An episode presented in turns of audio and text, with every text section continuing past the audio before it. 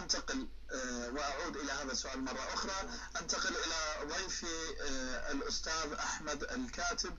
أرحب بك من جديد أستاذي العزيز وحياك الله مرة أخرى. أستاذي هناك الكثير ممن يقول آه، في القرن الثاني الهجري والثالث الهجري ممن يقول أن هذا الكتاب كان موجود ومشهور ومتداول بين يدي الشيعة. فكيف يمكن إنكار هذه الأقوال وكيف لنا أن نقول أن هذا الكتاب ولد في القرن الرابع الهجري مع وجود هذه الأقوال من الخاصة والعامة من يقول بوجوده في القرن الثاني والثالث الهجري نعم.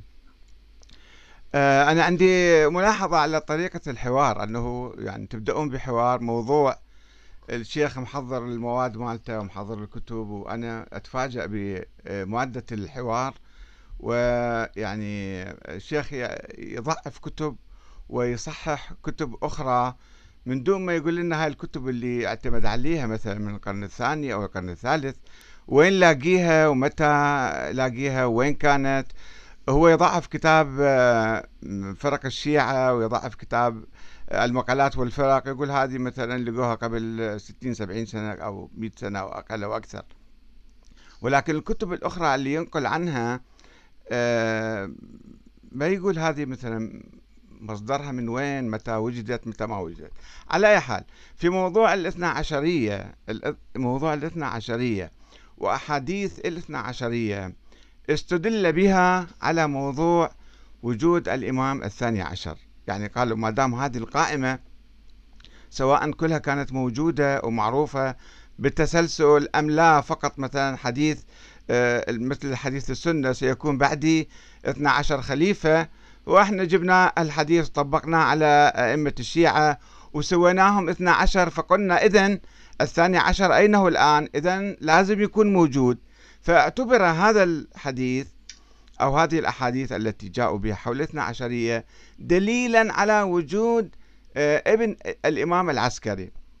طبعا هذا أيضا آه، منهج غير صحيح في الاستدلال. أول شيء أنت اثبت وجود هذا الولد وقل إن هذه الأحاديث الاثنى عشرية لو كانت صحيحة آه، تنطبق على هذه القائمة. طبعا القائمة القائمة الأئمة إذا ندرس التاريخ الشيعي نجد أنه مثلا الإمام عبد الله الأفطح ابن جعفر الصادق هذا أصبح إماما وقال وأجمع تقريبا الشيعة على إمامته ثم توفي بعد سبعين يوم من وفاة الإمام الصادق. فحصلت أزمة عند الشيعة وذهبوا إلى موسى بن جعفر.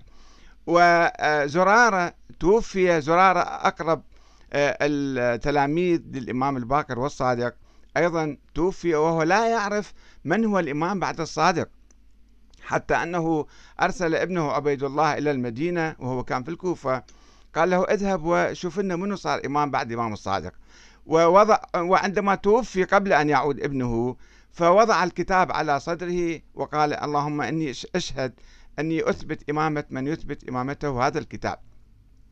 الفطحية لم يكونوا يؤمنون ب آه، عدم جواز انتقال الإمامة من أخوين بعد الحسن والحسين فلذلك ذهبوا إلى آه، الإمام أحمد بن موسى بن جعفر بعد الإمام الرضا لأن الجواد كان طفلا صغيرا عمره سبع سنوات وغير مدرك وبعد لا يصلي لا يصوم ولا يستطيع أن يتصرف بأمواله. وهناك أوصياء عليه. الإمام الجواد وضع أيضا أوصياء على ال ال الهادي أيضا كان عمره 8 سنوات عندما توفي. والشيعة لم يكونوا يعرفون مسألة القائمة الاثنى عشرية. إذا تسمح لي أنا آه، أقول لك يعني أنه هذه القائمة أول شيء إحنا نحتاج أن نثبت وجود ولد للعسكري.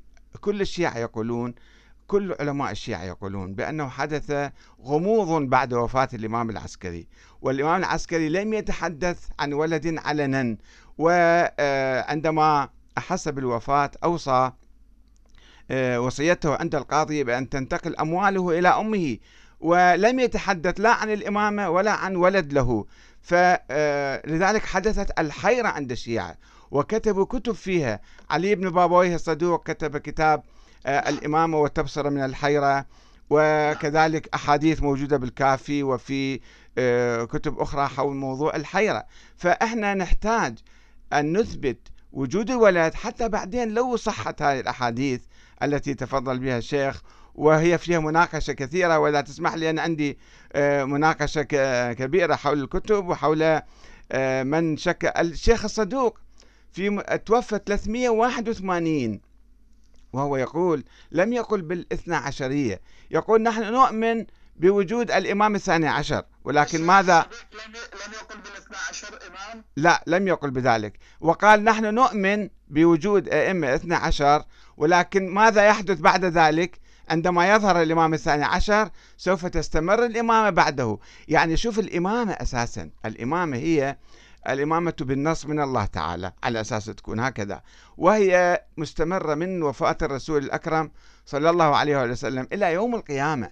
ما ما يمكن إحنا نقصرها ونحددها ب 12 واحد ولا ب 12 ألف ولا ب 12 مليون لأنه ما نعرف الدنيا متى تنتهي. الإمامة بالنص هي نظرية مقابل نظرية الشورى. نظرية الشورى مفتوحة في أي وقت نحتاج إمام نجتمع ونختار إماما. فهي نظرية الاثنى عشرية وتحديد الإمامة في اثنى عشر هذا حدث في القرن الرابع. وإذا تنزلنا على قول الشيخ على الكتب التي آه، اعتمد عليها ومن يدري منين جايبها نقول هذه حدثت في القرن الثالث في أواخر القرن الثالث الهجري. ولكن بالنتيجة هذا لا يشكل دليلا على وجود استاذي لو لو تسمح آه، لي مقاطعة بسيطة. آه، نقلت أن الشيخ صدوق لم يقل بإمامة 12 امام فقط فقط. هذه العبارة عندي نعم. أعدتها لأنها يعني عبارة مهمة. نعم. لكن دعني أسألك من أين أين وجدت عبارة الشيخ الصدوق؟ الآن أقول لك إياها. الآن الآن بخدمتك الآن بخدمتك لأن لأن أنت قاعد تفاجئني بموضوع أنا ما محضر لك. الآن أطلع لك ال... الشيخ الصدوق قال نعم نعم. نعم نعم. الآن أقول لك المصدر. الشيخ الصدوق في كتاب إكمال الدين وإتمام النعمة يتحدث عن آه، الإمامة ما بعد الإمام الثاني عشر. يقول الإمامة يعني الآن نؤمن بإمامة بإثنى عشر ولكن ماذا يحدث بعد هذا الإمام؟ ما كان آه، يعني آه، شيء محتوم ومسلم. لن تسمح. حتى يكون البحث منهجي ومثمر إن شاء الله. أنا نعم. عن الحقيقة. يا حبذا لو تنقل لي الصفحة يعني مكان هذه العبارة تحديدا آه، يعني حتى نقدر نتابع هذه العبارة نعم. نصا ماذا قال الشيخ الصدوق. نعم لاحظ. لا يعني شوف إذا تريد بحث علمي ودقيق لازم تخبرنا مسبقا موضوع بحثك شنو هو وحتى نتحدد أما الآن أنا أنا أحدثك عن الذاكرة. على تواصل مستمر ونتفق على جملة ما يطرح لكن بعض العبارات اللي جنابك الكريم نعم. آه، تستلزم منا منا الوقوف اي نعم نعم. نعم أنا أنا كاتب هذا الموضوع. يعني كاتبة وناقلة مو دا أقول لك اياه اعتباطا أو يعني آه، بصوره مستعجل أقول لك الكلام. فالقضية يعني حتى كتاب سليم بن قيس الهلالي في حديث عن الأئمة الثلاث عشر. يا علي أنت وإثنى عشر إماما من بعدك. بنفس كتاب آه، آه، سليم بن قيس الهلالي الذي يقال أن هذا سليم بن قيس الهلالي واحد اجى من من الصحراء بدوي من الصحراء في يوم وفاة النبي ودخل المدينة وكان يعرف يقرأ ويكتب وعنده أوراق وقلم وقاعد يسجل ما يحدث في المدينة من من أحداث وعاصر في 20 30 40 سنة عاصر أهل المدينة وكان وكان يكتب عنهم. وهذا شيء أهل المدينة ما كانوا يعرفون يكتبون كثير إلا كم واحد من عندهم كان يعرف يقرأ ويكتب. فالحديث اللي سألتني عنه الآن أطلع لك إياها من آه، الكتاب يعني. كمال الدين وإتمام نعم. النعمة. كمال الدين وإتمام النعمة. آه آه نعم. 105 أستاذ أحمد الكاتب حتى سهل عليك. نعم. كمال الدين وتمام النعمة صفحة 105 اي لأن أنا مو متوفر عندي يعني ما محضر الموضوع مسبقا. أنت قاعد تسألني أسئلة. طرحت بالبرنامج طرحت بالبرنامج لا نعلم بها طرحت بالبرنامج نعم. نعم. يعني بالنتيجة أنا أقول الاستدلال هو موضوعنا كان وجود الإمام الثاني عشر محمد بن الحسن العسكري. الاستدلال عليه يتم بأحاديث الاثنى عشرية تعتبر دليل على وجود هذا الإمام الثاني عشر وهذا منطق معكوس. أول شيء إحنا يجب أن نثبت وجود الولد حتى نطبق هاي الأحاديث على محمد بن حسن العسكري. الإمام الذي كان غامضا وغير معروف والشيعة وقعوا في حيرة وانقسموا 14 فرقة لأنهم لم يكونوا يرون هذا الإنسان. وكلهم يقولون للتقية الإمام أخفاه للتقية. التقية هذا مو دليل هذا ادعاء تحتاج أنت تثبت الشيء على آه، فد ولد تثبت آه، آه، ولد إلى إنسان معين يجب أن تأتي بأدلة إما الولد يكون موجود. حتى لو كان الموجود الولد موجود وظاهر لم يكن يجوز نسبته إلى شخص ميت لم يعترف به من قبل إلا بأدلة شرعية. الآن اذهب إلى المحكمة قل هذا الولد ابن هذا الإنسان الحي حتى. إذا لم يعترف به لا يمكن أن تثبت نسبة هذا الولد إلى هذا الإنسان الحي. فكيف إذا كان ميتا؟ وكيف إذا كان شبحا؟ هذا الولد أصلا ما أحد ما شايفه ولا أحد يعرفه إلا أربعة خمسة بالسر يقولون نحن التقينا به ونحن آه، أبوابه ونحن سفراؤه ونحن وكلاؤه. إذا عندكم فلوس جيبوها لنا حتى نعطيها له والله يعلم وين يودوها. فهذا مو منطق هذا مو منطق لإثبات وجود ولد بهذه الصورة. شكرا جزيلا لك أستاذ. نعم. أحمد الكاتب. آه، حق الرد للشيخ آه، شيخي سجلت كثير من الملاحظات آه، على كلام الأستاذ الفاضل أحمد الكاتب. يعني من جملتها استوقفتني حقيقة عبارة الشيخ صدوق في إكمال الدين وإتمام النعمة يعني. أن الإمام لم يروه يعني يعني كلام الأستاذ الكاتب صحيح. أثبت أولا وجود الإمام ثم طبق تلك الأحاديث على وجود الإمام. فهل هناك ما يثبت أو ما يدل على وجود الإمام ولد للإمام الحسن العسكري عليه السلام. أولا ثانيا أولا الأستاذ الكاتب كتاب المقروء معروف. مؤلفاته ويوتيوباته وما يكتبه في المنتديات وينشره على صفحته الشخصية واضح جدا معروف اتجاهاته ويمكن لأحد أن يتنبأ بما سيكتب وما سيقول. وبالتالي يفترض أنه هذه المواضيع التي يناقش فيها منذ أكثر من 20 سنة جاهزة لديه بكبسة زر على أي جهاز مخزن بأي موضوع يريده؟ يظهر أمامه وأن لا يتفاجأ من أي سؤال لأنه منذ 20 30 سنة يبحث في هذه المسألة. هذا أولا. ثانيا العبارة التي ذكرها الشيخ الصدوق وأنا أقرأها بالنيابة عنه ويسمع المشاهد وليحكم. قال الشيخ الصدوق رحمة الله عليه في كمال الدين وتمام النعمة الصفحة 105 قالت الزيدية لا يجوز أن يكون من قول الأنبياء أن الأئمة 12 لأن الحجة باقية على هذه الأمة إلى يوم القيامة. والاثنى عشر بعد محمد صلى الله عليه وآله قد مضى منهم أحد عشر, أحد عشر. قد مضى منهم أحد عشر وزعمت الإمامية أن الأرض لا تخلو من حجة يعني كيف يكون هذا التهافت أنه تقولون بعد دخول الأرض من حجة والآن أحد عشر إمام. ذهب ولم يبقى إلا واحد. فماذا يجيب الشيخ الصدوق؟ فيقال لهم إن عدد الأئمة عليهم السلام 12 والثاني عشر هو الذي يملأ الأرض قسطا وعدلا. ثم يكون بعده ما يذكره من كون إمام بعد عن قيام القيامة. ما ندري. يضع إمام من بعده يعني بعد بعد الثاني عشر ولسنا مستعبدين في ذلك إلا بالإقرار باثني عشر إماما واعتقاد كون ما يذكره الثاني عشر عليه السلام بعده. تمام. كلام واضح جدا يقول إحنا مطالبين فقط بالإيمان ب 12 إمام. واعتقاد ماذا سيفعل ماذا سيفعل الإمام الثاني عشر بعده؟ هل إمام بعده كما يقولون البعض مثلا الحسين سلام الله عليه سيرجع ترجع الدورة من جديد لما يحكمون. الله هذه نهاية العالم وتنتهي العالم. يقول أنا تكليفي فقط إيمان بهؤلاء الاثني عشر. الآن أقول لك الآن وجدت النص. أصلا لو تسمح أستاذ لك, لك الوقت في الرد. أصلا كتابه كتابه كله هو هو رد على من ينفي الاثني عشر ومن ينفي أن الإمام هو القائم وأنه هو الثاني عشر وأنه أنه أستاذ ما محورية كتاب كمال الدين؟ وعلى ما حول. إثبات وجود الإمام المهدي عقليا روائيا إلى آخره. موجود. مشكلة الأستاذ كيف ينفي وجود الإمام في نفس لا ما ينفي. يا عزيزي يقول الآن نحن مستعبدين. الله تعالى استعبدنا بالإيمان باثني عشر إمام. تمام. بعد الإمام الثاني عشر ماذا يكون؟ ما ندري. إحنا نشوف الإمام الثاني عشر ماذا سيقول؟ هل سيقول بوجود إمام من وين هذا الإمام؟ تمام. هل سيكون مثلا ترجع السلسلة من جديد أو لا؟ تنتفي. الدنيا تنتفي والقيامة تقوم. نقطة محورية شوي. منهج الشيخ ال- أو منهج الأستاذ الكاتب حقيقة منهج مطلوب يعني والآن مثلا رجل لو جئنا مثلا برواية عن الإمام العسكري سلام الله عليه تقول بوجود ولد وأنه الإمام المهدي المنتظر هل يؤمن؟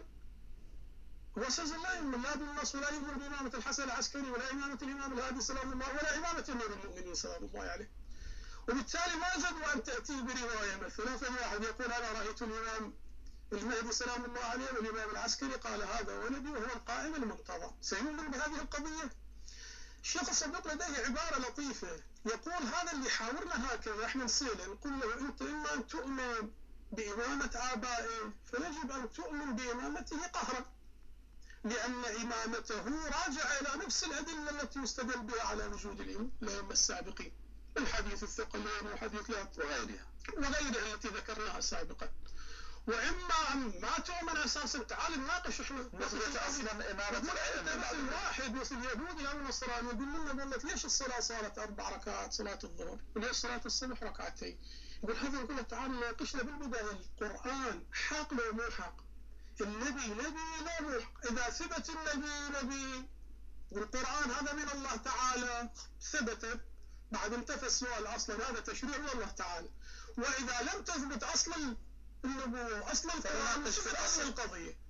فالمنهج هكذا يكون. انت تثبت وجود امامه بعد النبي صلى الله عليه وآله تثبت وجود استمرارية الأئمة تثبت العدد للأئمة ثم بعد ذلك تحاول أن تثبت وجود الإمام سلام الله عليه. أما قضية أنه لم يره أحد ولم ولم ولم وأنا أعرف هو يحاول الأستاذ الكاتب معذرة. هو يحاول يجرنا الحديث عن الدليل التاريخي. وهذا نقطة انطلاق شروع.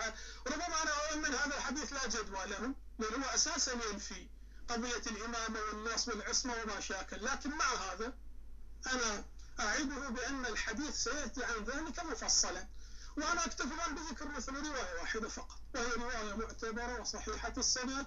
رواية ذكرناها سابقا. رواية أبي هاشم الجعفر جلالتك من الإمام العسكري. جلالتك تمنعني من سؤالك. ألك ولد؟ قال نعم. قال فإن كان كم فأين أسأل عنه؟ قال أسأل عنه بالمدينة. رواية أخرى صحيحة أيضا سميها سيد باقر صدر السلسلة عثمان بن سعيد العمري. يسأل عبد الله بن جعفر العميري يقول له الحميري يقول له أنت رأيت الخلف من بعد أبي محمد سلام الله عليه؟ قال نعم. رأيته وعنقه كذا إلى آخره.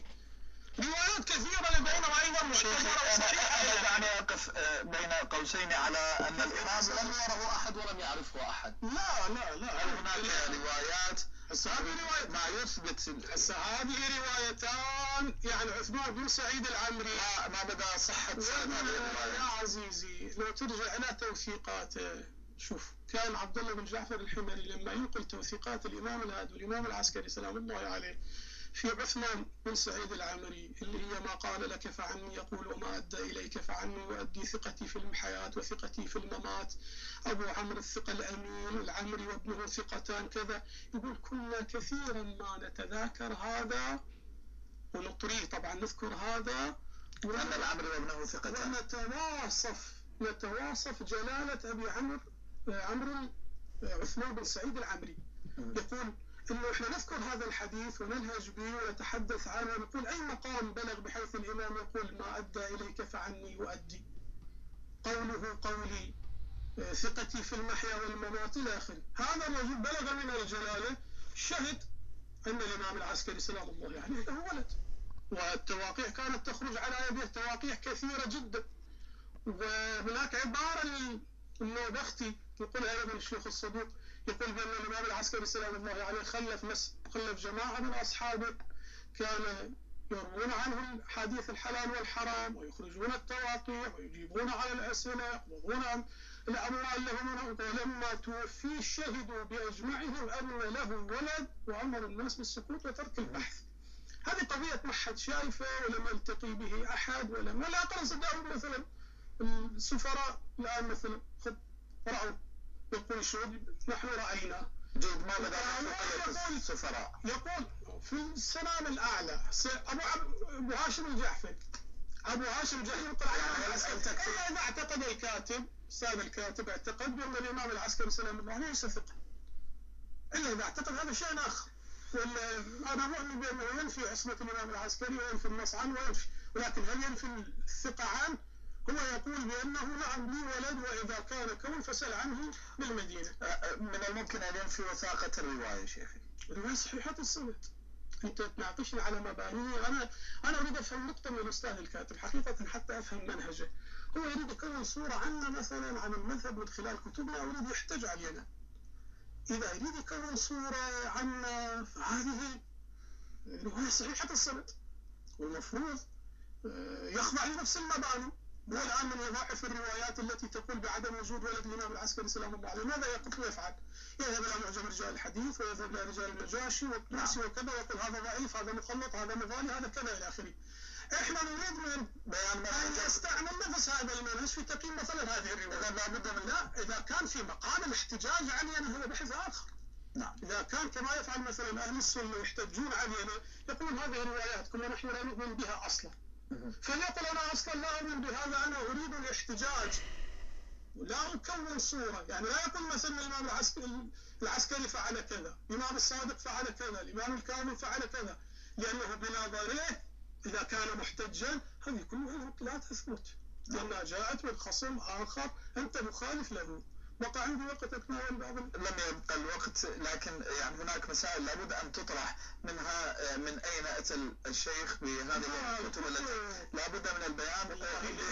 مشكلة, مشكلة الأستاذ الكاتب لا يتابع هذه مشكلة. يعني أنا أتمنى أن ألزم أي كتاب رجالي يتعرض لنسخة فرق الشيعة الموجودة الآن والمقالات الاشعري القمي ويتناول أن هذه النسخة معتبرة أو ليست بمعتبرة تمام. عادة في علم الرجال في الكتب الرجالية يتناولون المؤلفات ويقولون هذه المؤلفات معتبرة هذه المؤلفات تمام. وأنا أحيل طبعا إلى بحث موجود في هذا الصدد للمحقق السيد الجلالي حول النسختين تحديدا. وهنالك كتاب خاص كتبه الكاتب الإيراني المعروف باسم عباس إقبال. أيضا بنفس هذا الكتاب وتناوله أكثر من باحث ولا أقل. لا أقل هذه قضية معاشة أنت تتحدث عن كتاب ظهر في القرن العشرين وتتحدث عن كتاب ظهر في الستينات. هنالك كانت مناقشة حامية بين الشيخ الزرجاني وبين عباس مثلا بان الاشتياني على ما أذكره حول الكتابين إلى أن ظهر في الستينات كتاب مقالات الفرق للأشعري القمي يا أخي في مقدمة فرق الشيعة هم يقولون بأن المستشرق الأمريكي الفلاني عثر عليه في تركيا. المستشرق الأمريكي عثر على كتاب تدوين مئات السنين فهل يمكن الاستدلال عليه استاذنا الكاتب. نعم. بين لنا هل يمكن هذا السؤال هذين السؤالين لو تسمح بما بقي من وقت الحلقة. نعم نعم. هل يمكن الاستدلال على كتابين غيبا لمئات السنين ثم يعثر عليهما مستشرق ونحن نعلم كثرة علامات الاستفهام على المستشرقين. هل يمكن الاستدلال على مثل هذه الكتب؟ ثم أريد من جنابك الكريم متفضلا أن تبين لنا منهاجك في قبول في أخذ ورد الروايات يعني مبانيك في قبول الروايات. إن شاء الله إن شاء الله. كيف توثق الراوي وكيف تضعفه؟ على من تعتمد؟ إن شاء الله. أولا لعلمك ولعلم الشيخ ربما يعرف أنا كنت من الدعاة إلى المذهب الاثنى عشري وذهبت إلى السودان سنة 86 وأسست حركة شيعية إمامية اثنا عشرية في السودان وبعض طلبتها يدرسون في هنا وهناك. الشيخ طرح أربع نقاط في الحقيقة. أول نقطة هو استدل بموضوع الإمامة على وجود الثاني عشر. قال إذا كنت تؤمن بآبائه فيجب أن تسلم بوجوده. وهذا منطق مو صحيح لأنه أنا أؤمن بوجود الحسن العسكري أؤمن بوجود علي الهادي محمد الجواد. مو بس أنا كل العالم يؤمنون ولكن أنا لا أؤمن بنظرية الإمامة. لا أؤمن بنظرية الإمامة ولكن نظرية الإمامة لا يمكن أن نستدل بها على وجود ولد له وهو قال أنا ما عندي ولد ولم يشر إلى ولد. هاي واحد. الشيء الثاني الحديث عن أبو هاشم الجعفري. أبو هاشم الجعفري طبعا رواة الشيعة الاثنى عشرية ومشايخهم يوثقون كثيرا من الناس. ولكننا نشك بتوثيقهم ونتوقف لندرسهم. نراجع نفس الروايات التي تنقل عن أبو هاشم الجعفري. هو يقول هو لم يقل أنا رأيت ولد الإمام العسكري. يقول أه، جلالتك تمنعني أن أسألك وأنا مستحي يعني. أنت عندك ولد لو ما عندك ولد؟ يقول لا عندي ولد. وين أجده في المدينة؟ طيب من نقل هذا الحديث عن أبو هاشم الجعفري؟ نشك بمن نقله عنه وهو توفي سنة 261 في يعني في بعد كم شهر سنة وكم شهر بعد وفاة الإمام العسكري. فكيف نثق بهذه الرواية ونجعلها دليلا؟ وهي تدل هي تصرح بأنه لم يرى. يعني حتى هذا المقرب الذي توفي بعد بعد الإمام العسكري لا يقول أنا رأيت العسكري ليس صادقا لا يقول لا لا يقول أنا رأيت ولد الإمام العسكري. وإنما يقول يقول سألت وقال لي وقال وقلت له وقال لي.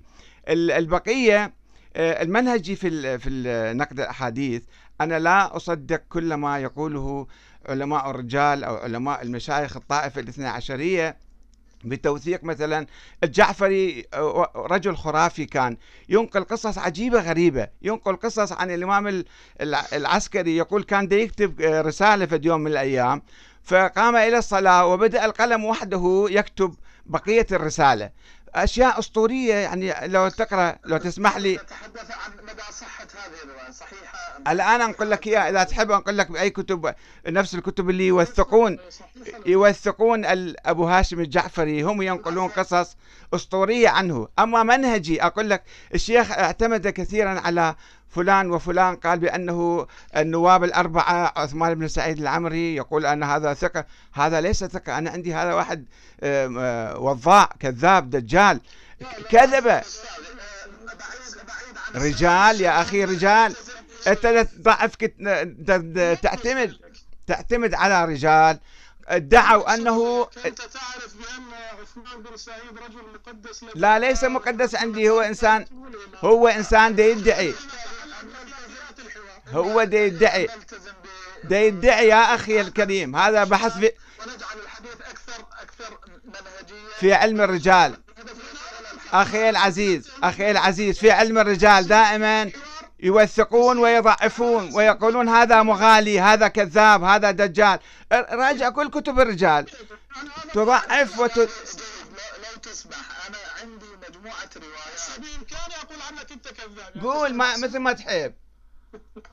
استاذنا العزيز جناب الشيخ أرجو أن نبتعد على هذا لا لا عفوا أنت سألتني عن منهج. شيخنا العزيز نبحث عن الأستاذ العزيز. كذلك الكلام يعني لكما متفضلين. آه، أننا نبحث في هذه الحلقة بحثا علميا منهجيا بعيد عن عن الشجار والجدار. طيب طيب. هو رجل مدع هو رجل مدع يدعي آه، يعني فقط أريد أن تبين لي منهجك في قبول ورد ده أقول لك. منهج انتقائي أن يستند إلى أسس علمية. نعم.